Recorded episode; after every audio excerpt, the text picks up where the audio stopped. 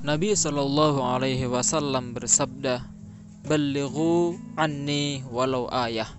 Sampaikanlah apa yang kau dapat dariku, meskipun satu ayat. Oleh karena itu, siapa pun kamu, apa pun profesimu, selama kau mendapatkan ilmu dari Nabi, maka sampaikanlah, maka sebarkanlah.